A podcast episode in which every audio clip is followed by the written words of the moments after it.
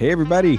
Welcome back to the Analyst's NFL Day to Day Preview Show presented by Stats Perform. I am your host, Mike Leon. Week 12 in the National Football League upon us. Thanksgiving weekend. Happy holidays to everybody celebrating Thanksgiving. We're going to break down a bunch of the matchups happening not only on Thanksgiving Day, but some of the ones happening over the weekend with all the amazing stats and insights by the good folks over at the Analyst and also from Stats Perform's amazing new tool called Pressbox Live. You can head to statsperform.com today to see how NFL teams, broadcasters, and more are using Pressbox Live to help augment their game day coverage on Sundays. Joining me, as always, my compatriots here, my, my the Elijah Moore and the uh, I forget the other receiver, maybe Braxton Berrios, to my Zach Wilson because sometimes I overthrow them a little bit. Uh, first, he's a digital journalist over at the Analyst, Nicholas McGee. Nicholas, I know you're in a good mood. The Niners are six and four, and a very easy schedule coming up.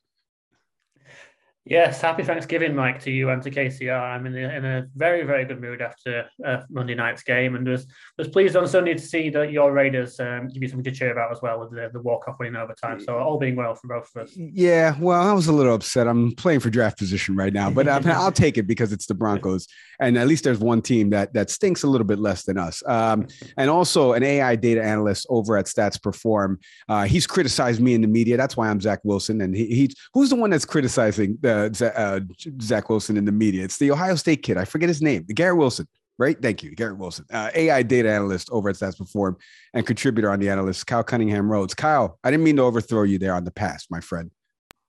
Yeah, I'll be Garrett Wilson. Garrett Wilson is really good. I know um, he is. No problem with that. Yeah, uh, yeah. Fall weather. Like uh, Nicholas and I both got the memo on the on the beige green sweater.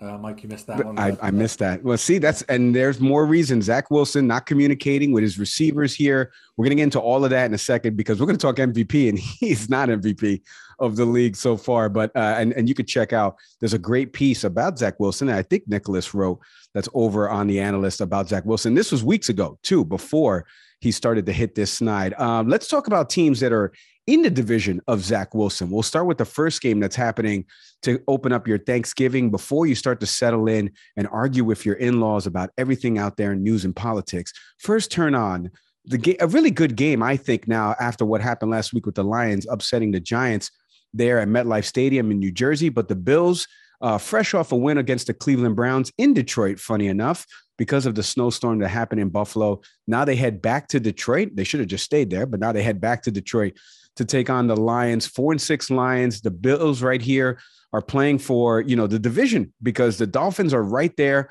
at seven and three. All these teams are above 500 in the division. The Patriots are even six and four. The Jets, we were just talking about them with that loss last week, actually moved to last place in the division. I'll start with you, KCR. What are you looking forward to here in this matchup between the Bills and the Lions on Thanksgiving Day?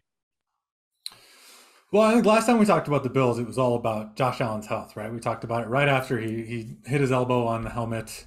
Um, he played in the next game. Uh, he's looked not quite the same since. He's, his accuracy has been all over the place. They've they've uh, they started running the ball a little bit more. Um, granted, they they played the Browns, and the Browns have sort of a porous run defense, um, so that's uh, that could have sort of gone into the game plan. Uh, if you don't have to throw the ball, why throw the ball? Um, in this game, I, I, think if we would have talked about this game a couple of weeks ago, we would have really been like, "Oh boy, this is going to be just an just an absolute massacre of the Lions." Um, but the Lions are on a three-game winning streak, and it's it's not entirely fluky. They've they've made some changes on the defensive side of the ball. Um, they've kind of shifted how uh, they play their defensive fronts. Um, Aidan Hutchinson has been has been moved around a little bit more. He's he's standing up a little bit more. Um, and the big thing that they did really is they just they kind of replaced a lot of the players in their secondary.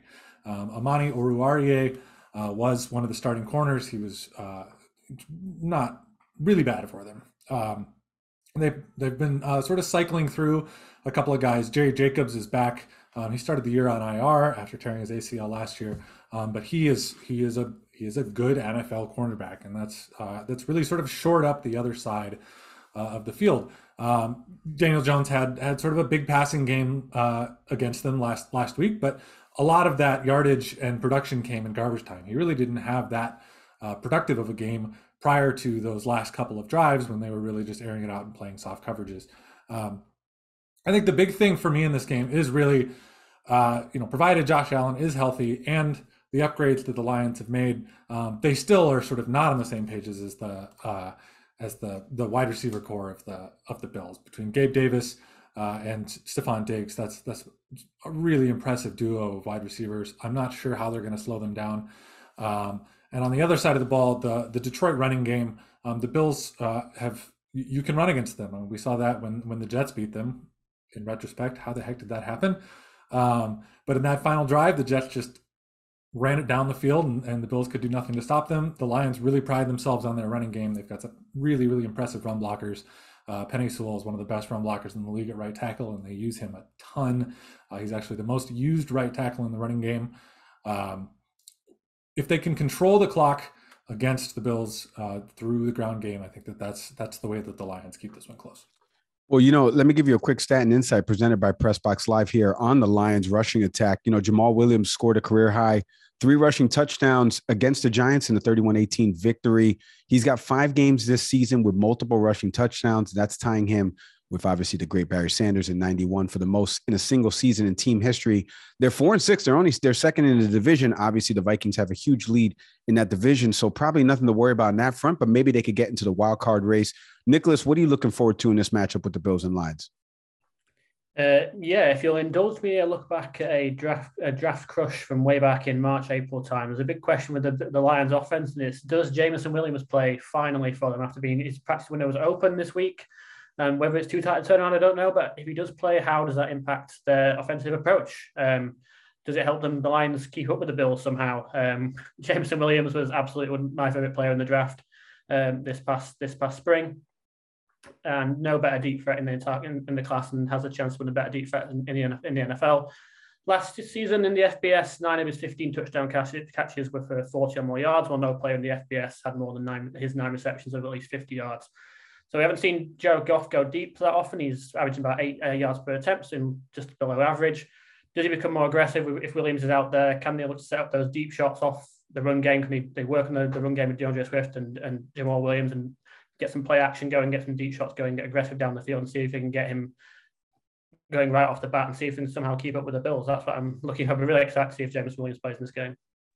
Yeah, I'm, I'm looking forward to this matchup because, like I said, the Bills can't afford a slip up here. Similar to what just happened with the Giants at home, can't afford a slip up. I was talking with somebody that actually works for the team this past week, and they said we're not looking past this game and now obviously the Giants have a slip up now as they head into their, their Thanksgiving matchup with the Cowboys. We'll get into them in a second.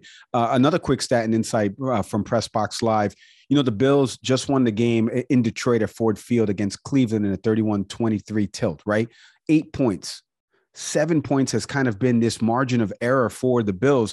They are 16 and one since last season in games decided by more than seven points, but they're two and eight in games that are decided by seven points or less better than only the Texans, who are one six and one in that stretch over the last two years. So, if it's a close game, we've seen the Bills not have the best record or be able to pull it out when it's under seven points. Uh, with that, prediction time. Nicholas, I'll turn to you first. What do you got score wise? Who wins this game in this matchup? Yeah, I think this is a recipe for a relatively entertaining game, albeit one that I think the Bills should still win relatively comfortably. I have the Bills 31 21 here. And KCR, what about you, buddy? Yeah, I grew up in Michigan, um, and so I'm sort of a de facto Lions fan. Uh, if I have to pick a team, that's probably the one. I don't really have any fandom, but um, so I'm pretty familiar with uh, waking up on Thanksgiving and watching the Lions lose in impressive fashion. Uh, but at least this time we do get to watch Josh Allen play. Um, I do think they keep it a little closer than than what the spread is at. Uh, I think the spread's at nine. Um, I've got it at uh, 27 to 20 Bills. You know, I saw a stat, and that's funny that you said that about the Lions uh, losing. Um, I saw a stat that Jared Goff has thrown 13 touchdowns, and it was obviously in Pressbox Live. You can check out Pressbox Live over on statsperform.com. But 13 of his 15 total touchdowns have been at home this season. Um, I think he plays well, but similar to the garbage time touchdown pickups, I think that this game is similar to what Nicholas just said. Uh, I can't see the Bills being stopped on the offensive side of the football. And they absolutely need this game. They cannot afford to lose it. Lions, even though they are four and six, again, some of those wins have come on the road where they've played a lot better than they have at home. So give me the Bills as well. I'll take them 34 24, just to one up uh, Nicholas there. All right, let's turn into another game right after that game. All right. Now you've got a, a little bit uh, of the wine flowing, maybe some appetizers. The turkey's about to come out in a little bit. And here's the game of the day the Giants and the Cowboys in the NFC East, two seven and three teams meeting. Uh, this is everybody's playing for it right now, especially with the Eagles losing two weeks ago uh, against the Commanders. The Commanders won their last game. Everybody in NFC East is above 500, and they're all chasing the Eagles right now. Both teams will absolutely need this game. Cowboys coming over a thrashing uh, of the Vikings, just completely manhandling the Vikings in all phases. Tony Pollard looked like Tony Dorsett, if if I may, because of how great he was this past Sunday. Uh, maybe an anomaly we'll find out. We'll tell. We'll see what the stats and insights tell us. But uh, Nicholas, I'll start with you first. Um, surprising about what the Cowboys did last week. Surprising about what the Giants did last week. Now both teams looking to extend their records and, and stay pace with the Eagles. What do you got in this matchup, uh, which is probably the game of the day on Thanksgiving? Yeah, they say it's always important not to overreact to one game in the NFL. I might be doing that with the Giants because I am very, very concerned after what I what saw against with them against Detroit on Sunday and the schedule they have, which is the toughest left in the NFL in the remaining games. So it's that Giants playoff run is looking a bit shaky to me, and it's kind of building off what KCR said when we were talking about previously about the Detroit game. Is um, can the Giants get a passing game going because that was all garbage time, um, like KCR alluded to and they've not been efficient passing the ball this year. And they've got a good running game going with Daniel Jones, Saquon Barkley.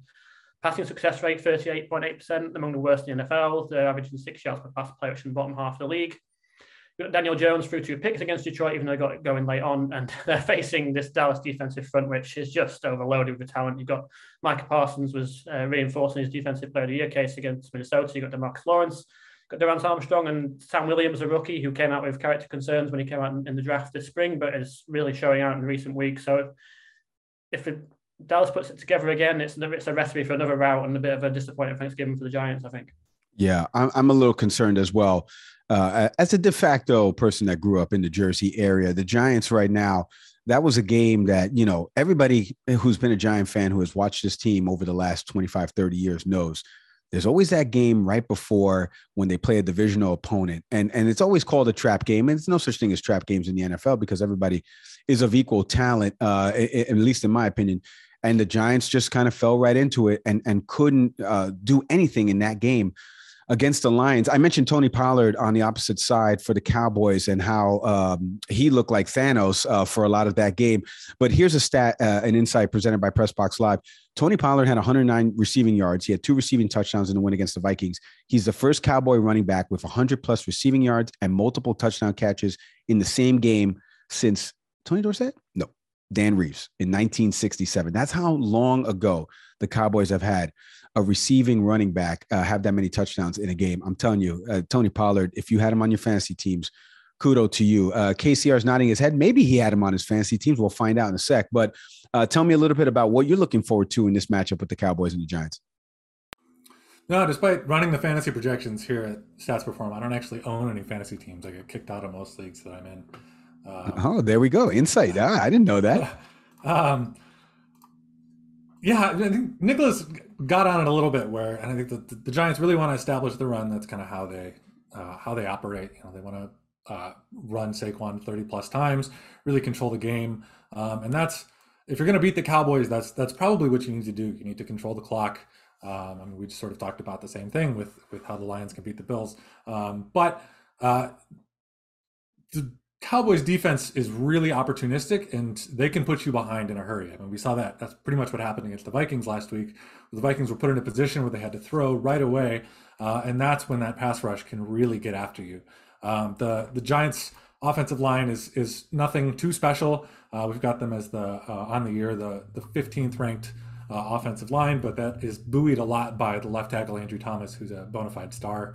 Um, Dan Quinn, the defensive coordinator for the Cowboys, knows that. Uh, he's going to probably game up some some pressure looks to really attack the rest of the offensive line, which is uh, there's just not a lot of strength for the rest of the offensive line in pass protection.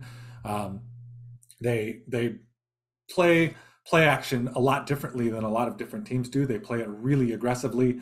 Um, a, a, number of sacks in that in that Vikings game came uh, when uh, Cousins had his back to the defense turned around and there was just the defender in his face right away. Um, they're really, really aggressive. And so getting the, the Giants into passing situations uh, is really what the Cowboys defense wants to do.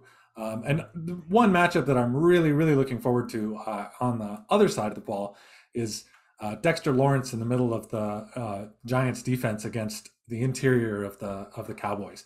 Um, they're going to probably have Tyler Smith play left guard this this week. Um, he's he's a fantastic rookie. Uh, I think guard is probably where he's he's going to be long term. He's an absolute mauler in the run game. Uh, opposite that is is Zack Martin, who's still uh, still an All Pro, um, sort of Hall of Fame uh, guard. Uh, Dexter Lawrence has been has been really really incredible. Uh, he's essentially a nose tackle, so he will probably go up against the center much more. but you're still going to see him have some have some pass rushes against those two excellent guards. Um, that's that's the sort of trenches matchup that I'm really really excited for this week. Well, with that, let's get into prediction time here. I'll stay with you, KCR. Who do you think wins this game? Who positions themselves better to maybe take down the Eagles and win the NFC East? Giants or Cowboys? Ah, I'd Cowboys. Um, I, I, don't see the Giants having having enough firepower to to really keep up with them. I've got it at 29-20 Dallas. Nicholas, what about you? We know when the Cowboys are at home, sometimes Dak uh, with all that salsa dancing that he does to prepare for a game, we know that sometimes he struggles a little bit at home. He's played a little bit better on the road. We just saw it and what they did with the Vikings. What do you see in this matchup, and, and who do you got winning it? Yeah, I think you might have a repeat of a few years ago when you had Zeke uh, jumping in the uh, Salvation Army uh, container from a few years back. I think the Cowboys have a big Thanksgiving Day party. Give it uh, 30 or 17 to the Cowboys for me. Well, I will give you one final stat and insight uh, from Pressbox Live. Cowboys are 10 and 1 against the Giants since the beginning of 2017 season, including five straight home games. This will be the second ever meeting between the teams on Thanksgiving. The last time they met, it was a 30 to 3 win by Dallas. I'll say 30 to 17 as well. And I'll take the Cowboys as well. Um, and of course, we all know that they'll end up losing since we all like them. Um, now let's move into the night game. The, again, we're staying on the Thanksgiving theme okay, now you've had the turkey, now you've had two games. The tryptophan is kicking in. You're a little bit tired right now. Well, get ready to be put to sleep because Mac Jones and the Patriots are, are heading to Minnesota to take on the Vikings. We just talked about the Vikings before, a, a brutal loss. Uh, and maybe that's a kind of loss that they needed to kind of wake them up and say, you know what, throw that tape away, throw it in the garbage. Let's move on here. Meanwhile, the Patriots, again, whether it was Zach Wilson or whether it's just their defense at home, they played really well. I mean, they dropped two interceptions that easily could have been returned for touchdowns against Wilson. They held them to three points. There's a stat out there. If you haven't seen it on social media, they held the Jets to 2.7 inches a play in the second half. I mean, that's incredible. And they end up winning that game on the punt return touchdown there to uh, take it 10 3. And now they sit a game behind the Buffalo Bills. In their division, Vikings lead, uh, who we just alluded to before, the Lions by a few games in that division. Nicholas, I'll start with you first. Uh, Belichick has the boys kind of turned around here. The Patriots early on in the season, some head scratching losses. They lost that game at Green Bay. Everyone's like, well, this is, I don't know if the Patriots are going to be a good team this year. Mac Jones got hurt, he got replaced. Now, all of a sudden, a couple games they've won in a row now. They're six and four. The defense is playing well, and they're heading to a team that just got trampled at home. What are you seeing in this matchup with the with the Pats and Vikings on Thursday night? Yeah, for me, it's uh, how does the Minnesota Vikings offensive line look without Christian Darrisaw, who is going to miss this game with concussion and has been by far their best pass protector this this year. And you could see that it just collapsed when they didn't have him out there against the Cowboys, particularly in the second half. It was just a defender, as KCR said, in Cousins' face every single snap. It seemed like. And New England has a top 10 defense by our pass rush win rate uh, metric and a defensive player of the year contender in Matthew Judon. He's got incredible 13 sacks this season, which is just remarkable at this stage of the year. And they've got a lot of talent as well to supplement supplement him with uh, Deatrich Wise, who's having a great year, and Lawrence Guy up front as well. It's a really good defensive front they've got. So I'm kind of looking at whether that can be an equaliser because I think the Vikings are the much more talented team. Um, they've got probably on both sides of the ball. But Kirk Cousins is obviously a different level of quarterback to what they're facing Zach Wilson. I think you should be able to handle this a little bit better. But how much of an equalizer is that as the Patriots uh, want to keep it rolling here? Yeah. Well, we'll see if the Patriots can put enough pressure like the Cowboys did to Kirk Cousins. A quick stat and insight from Pressbox Live. Cousins had he was sacked seven times by the Cowboys while throwing for 105 yards. He's the first Vikings quarterback in the Super Bowl era to be sacked seven plus times while throwing for less than 125 yards in the same game.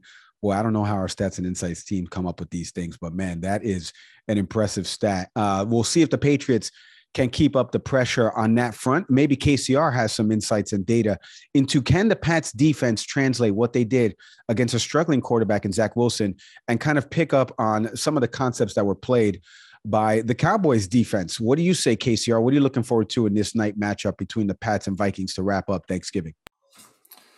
Yeah, it's a really different type of defense that the that the Vikings are going to play. Right, the Cowboys are are they play with their hair on fire. They're they're really aggressive. They kind of fly around. Um, the Patriots they rush three a lot. Um, they kind of drop drop a bunch of guys into coverage. Um, they do run a lot of stunts and twists. Uh, that is a similarity with what the Cowboys do and what the Patriots do. Um, but it is it's sort of a different feel uh, to it.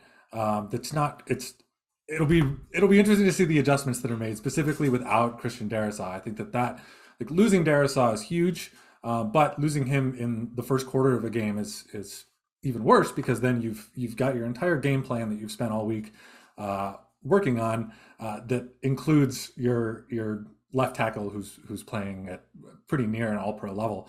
Um, so the whichever backup they decide to use, I think they've had Blake Brandel in there. Um, I think that an adjustment to the game plan, maybe a, a few more quick hitters. Um, the Patriots play still quite a bit of zone defense, that sort of spot drop zone. Um, I do think that their their specialty is really just taking the top weapon out of the game. Um, so I think you're going to see a lot of doubles on Jefferson, um, and what this might be a spot where you see really what the addition of T.J. Hockenson to uh, to the offense can do um, without Justin Jefferson available through double teams and and cloud coverages and and all of that. Um, what they can do on the sort of in the middle of the field at the kind of intermediate level with both Thielen um, and and Hockenson, Um, I think that's really how the uh, um, how the Vikings are going to be able to move the ball against this team. Yeah, it's interesting to watch. Uh, one quick stat, as you were saying all that, I was thinking about the historical context of when was the last time the Pats and the Vikings have played each other, right? Because uh, obviously the way they rotate uh, the division matchups uh, when you're playing different teams from the NFC, the Pats have won five straight games against the Vikings, and the last four wins are all have all come by double digits. New England has never beaten Minnesota by more than seven points prior to that current run. Uh, and that's a stat and insight from Pressbox Live. You can head to statsperform.com today to check out Pressbox Live and this fantastic tool and these insights that we're giving you here. Um, I don't think that that will happen in the game. We'll get to my prediction in a second. KCR, I'll stay with you. Um, prediction score wise, who wins this game between the Vikings and the Pats? I, I would say a must win game for the Patriots, but the Vikings can't afford to slip up here. I mean, uh, obviously, they're probably going to win the division, but they want to play for that one seed, right? And especially having the bye there. Uh, what do you think in terms of score wise? Who wins this matchup? Oh, it's really tough to pick Kirk Cousins in prime time. We kind of know how that goes uh, most of the time. Uh, but I do think that the Vikings have enough talent. I think they just out talent the Patriots. Uh, I think uh, 27 24 uh, Minnesota. All right. Nicholas, what about you? Yeah, like Casey, I said this is a really difficult one to pick. Um, I'm just going to play the contrarian and just go the other way and trust Bill Belichick over Kirk Cousins in this one and call it 23 20 to the Patriots. You know, um, the Patriots last week, when we were watching that game, Zach Wilson mentioned in his presser that it was a little bit windy out there in terms of why he was struggling a little bit. And obviously, the Pats coming off a 10 3 win with the game's lone touchdown being the punt return. It's the first time the Patriots won without scoring a touchdown from scrimmage since 2003. They beat the Dolphins 12 nothing back then. Um, I think now, climate controlled uh, dome, right?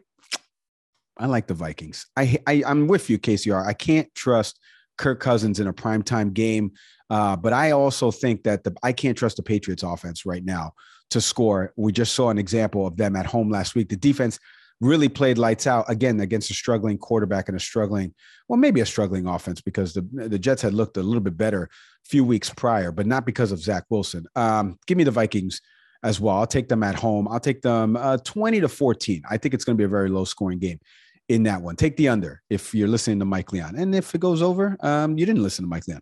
Um, so let's shift over to Bengals Titans, another matchup. Let's get into the Sunday games now because there's a couple good games that are happening on Sunday before we get into our NFL MVP talk. Uh, the Bengals are playing the Titans, a rematch of last year in the playoffs. Titans haven't played since that Thursday night win against the Packers, where they won 27-17 up in Lambeau.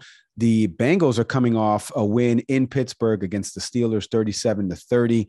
Uh, Joe Burrow maybe has found his mojo, throwing for 355 and four touchdowns in that game. He's only sacked twice in that game. Uh, and then obviously the Steelers uh, attacking on a couple scores late to make that game a little bit closer. Nicholas, I'll start with you because this is a big game right now because the Titans, the Bengals, all of them are kind of leading their division, but the, the Chiefs are eight and two. They are probably going to be the one seed, depending upon what happens with the NFC East. They already have the tiebreaker over the Bills. What are you expecting uh, in this matchup between Bengals and Titans? A must win game, truly, for both teams as we're starting to head into the final stretch of November and into December.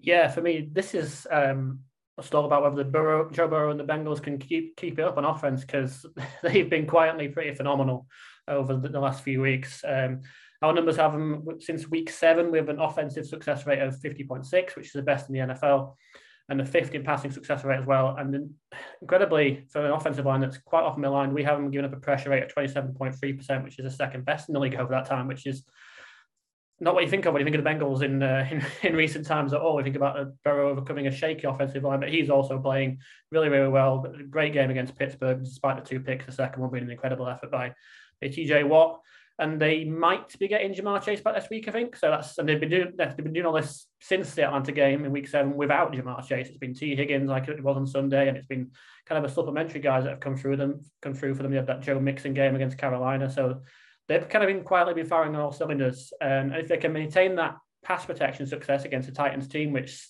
famously sacked Burrow nine times in the playoffs last year and, and didn't win. Um, I think they should be well set up here for game if they get Chase back, and I think I like the Bengals in this. Yeah, it's going to be a fun game to watch either way. I mean, like I said, both teams over 500. Last week, the Bengals only rushing for 62 combined yards, 24 carries, 62 combined total yards in that victory. Uh, so Burrow had to carry most of the offensive load, and he did with the four touchdowns and the 355 yards passing. KCR, what are you looking forward to in this matchup? Tennessee loves to grind it out, uh, it feels like, and they should because they have the ground game to be able to grind it out.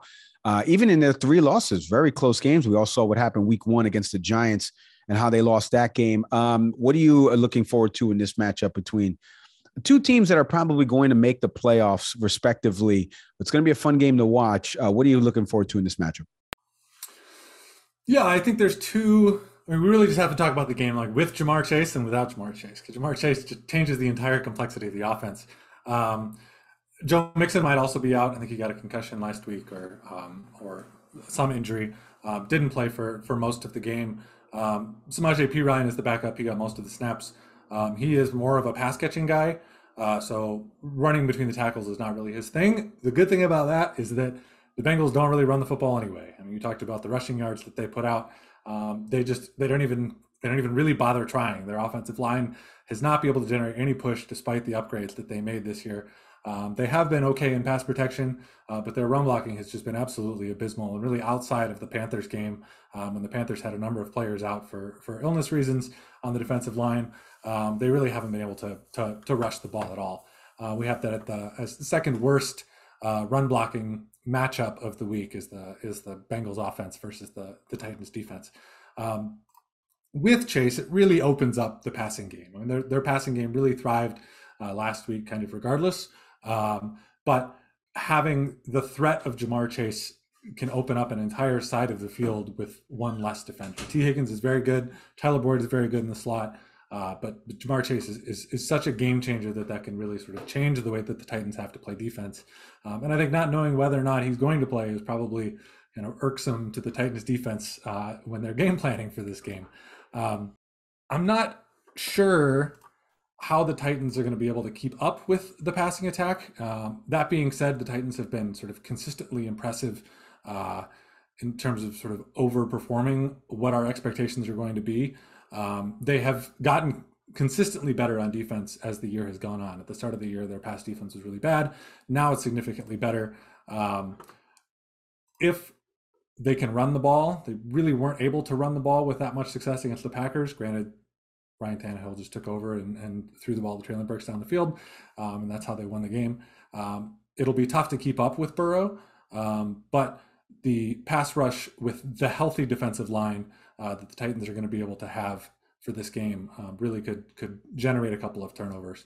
Um, it it's I don't particularly know what's going to happen with this game. It's kind of an interesting one that uh, there's not really a lot to say other than I can't wait to watch it and, and see what the two game plans are. Yeah, I think it's probably the best game of Sunday potentially. I mean, when you look at especially the primetime matchups on Sunday and Monday, this is probably the best game of the day happening Sunday. We got one more matchup that we'll get into.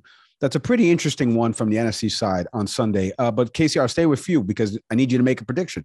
The people out here are listening. They're like, I listened to KCR and then I place my bets based on what he said. So with that, Bengals Titans, who wins? I think the Bengals pull it out. Uh, I've got it as a really low scoring game. Uh, Twenty to eighteen is is what I've got. That's that's pretty low.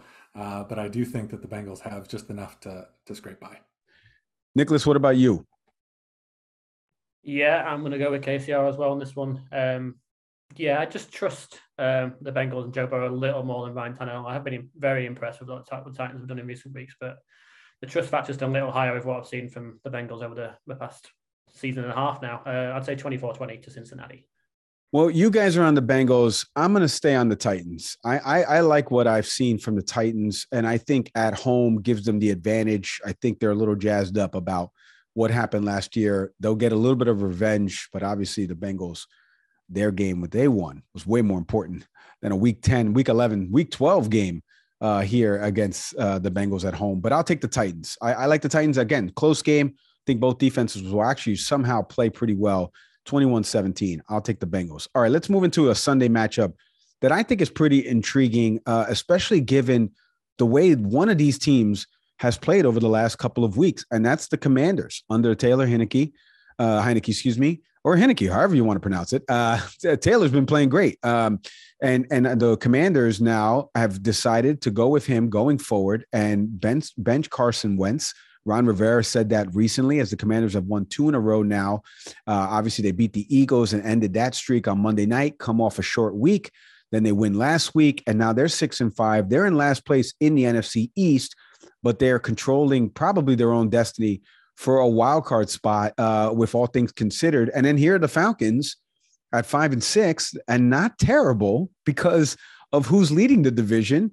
The uh, the team in front of them, which is the five and five Buccaneers. Uh, the Falcons right now, I don't know what to make of the Falcons. Sometimes, you know, Kyle Pitts uh, is going to be out for the rest of the year. It looks like, uh, according to reports that are out there, a huge blow to the Falcons' offense. Uh, and I don't know what the Commanders are like. You know, it, from week to week, uh, the fact that they're six and five is it an anomaly? It, you know, is it something that this is in Ron Rivera's blood? He loves doing this, uh, being right around 500, and then maybe making a stretch run if you watch those Carolina Panthers teams. But I turn to my experts. Nicholas, I'll start with you first. Falcons Commanders, how did we get here? And how do these teams, which which one of what are you looking forward to in this matchup? I can't even get the question out because I'm so intrigued by it because it's such a bad good game. You know what I'm saying? This it's like Papa John's, right? It's like good bad pizza. By the way, Papa John's, you want to sponsor this show, uh, we'll happily take that. But Nicholas, what do you think of, of this matchup with the Falcons and Commanders? Uh, yeah. So how how did we get here? Um, well, the, the Taylor Heinicke decision is, is a correct one. I'm always in favour of benching, benching Carson Wentz. Uh, I think how we got here with the Commanders is a story of the other side, really. The defense is it's kind of the Jack Del Rio renaissance, um, how they're playing on defense at the minute. And the Falcons, they're more, I think, more difficult to explain, but they just want to run the ball uh, most of the time. Uh, problem is, Commanders one of the better teams in the league at stopping that at the minute. Um, success rate allowed 31.8%. That's among the best in the league against the run.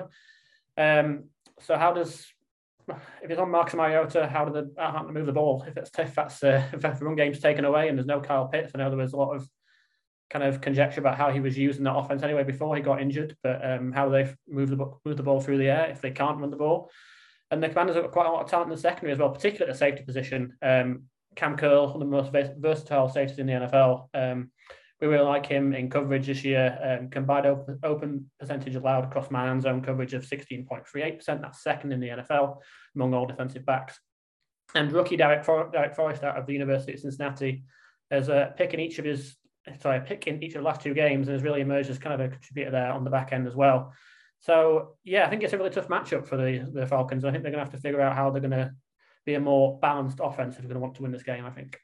Yeah, it's going to be tough, especially going up to DC and trying to win this game on the road. Falcons have played pretty decent on the road. Uh, obviously, we saw them win that big game up in Seattle uh, a few weeks back, a while ago back. Um, KCR, can it continue? What do you expect here? The Commanders are on a little bit of a roll here. I just mentioned about the quarterback change. Uh, your perspective on that, and then the game overall.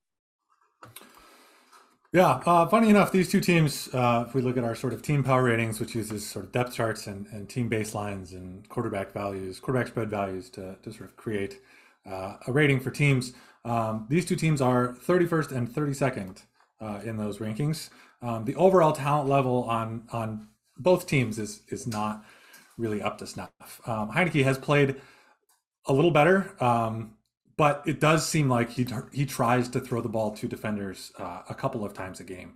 Um, they've they've really leaned on the run, particularly since he's since he's come in. Um, their sort of neutral situation rush rate um, has has gotten significantly higher than league average since he's been in. Um, they've they've really relied on on both Brian Robinson and now Antonio Gibson to uh, to carry the load. Um, and you've seen that in the last two games, right? Against the Eagles, they really controlled the clock, ran it 30 something times. Um, ran it a bunch against the Texans last week, but everybody does that.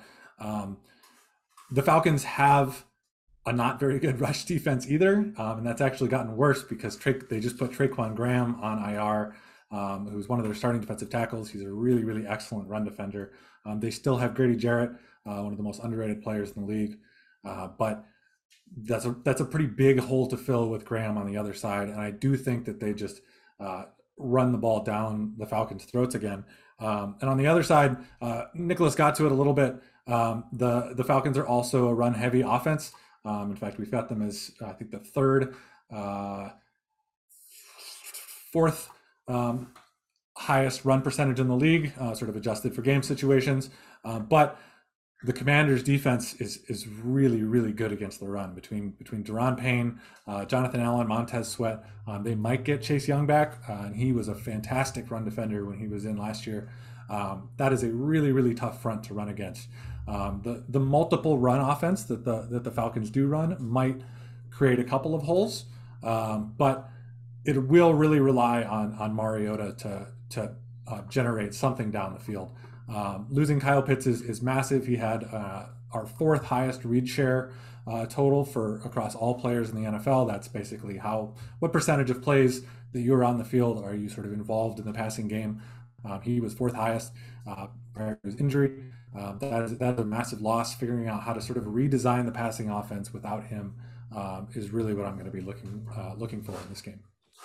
Yeah, it's going to be interesting to watch. Again, when you take away a weapon like that on the field, and maybe the Commanders get a weapon back on the defensive side of the ball, would be hard to pick against the Commanders in this game, especially that they've been rolling the last couple weeks. But we'll see if somebody picks against them. Uh, KCR, turn to you. Are you picking against them? Commanders win this game, or the Falcons go into DC and leave with a victory? No, I think the Commanders win. Uh, I think it's I think it's a really close game. Um, another another really low scoring game, sort of defense heavy. Uh, I've got it uh, twenty to eighteen, uh, Washington. All right, and Nicholas, what about you? Um, yeah, I agree uh, with KCR. It's, um, it's the kind of game I, I, can envision Washington blowing. It seems like a very Washington thing to do. Um, but yeah, I still have them winning this game in a, in a close one. Give me 21 to 14 to the Commanders. It's true. The Commanders at home have had some weird games, but again, different person under center under those weird games. The Jaguar game was a weird game, but again, different quarterback. Uh, I like the Commanders as well too. I think they get to seven and five. Uh, I like what Nicholas said about Jack Del Rio's defense. There has been a little bit of a renaissance with them over the last couple weeks, especially what they were able to do in that game against the Eagles. Um, before we wrap here, uh, the NFL MVP race, we've been spotlighting it a little bit over the last couple weeks, but now we're getting into the home stretch of the season.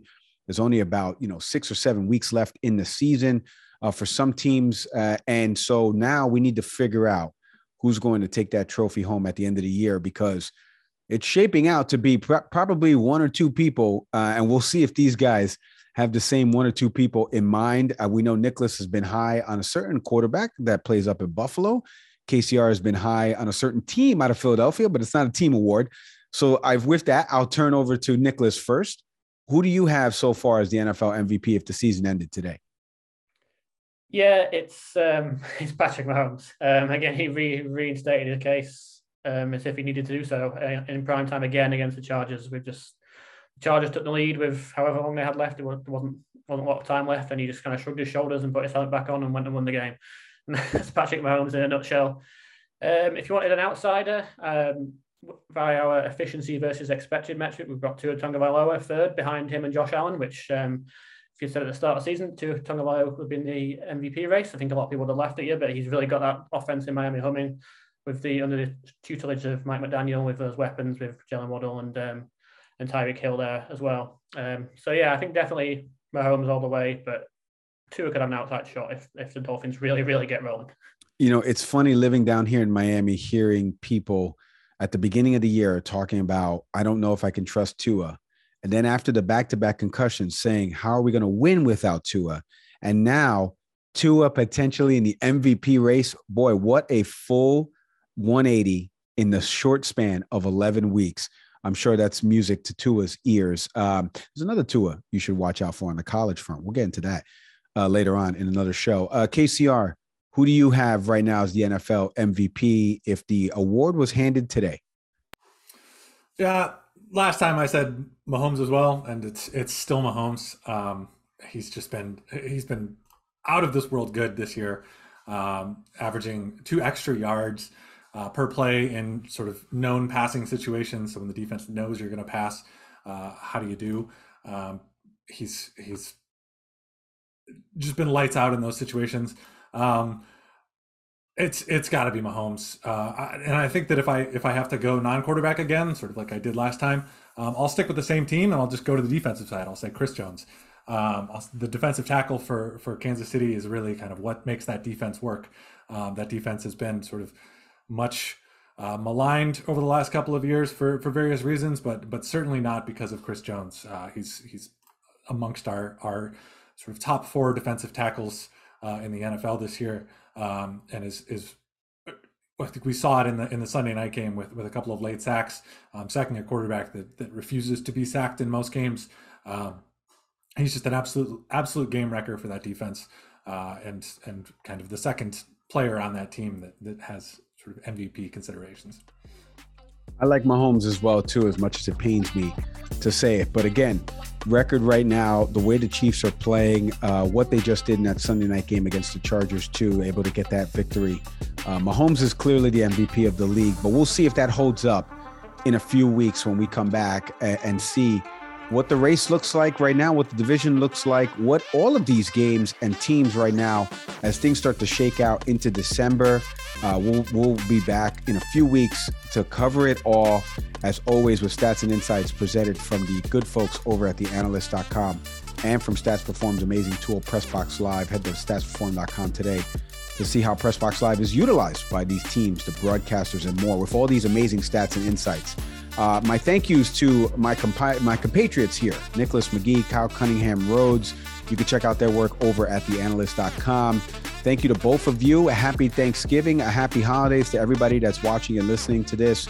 We'll see you next time. Enjoy your NFL Thursday and Sunday. As always, I'm Mike Leon. Thanks, everybody. Stay safe.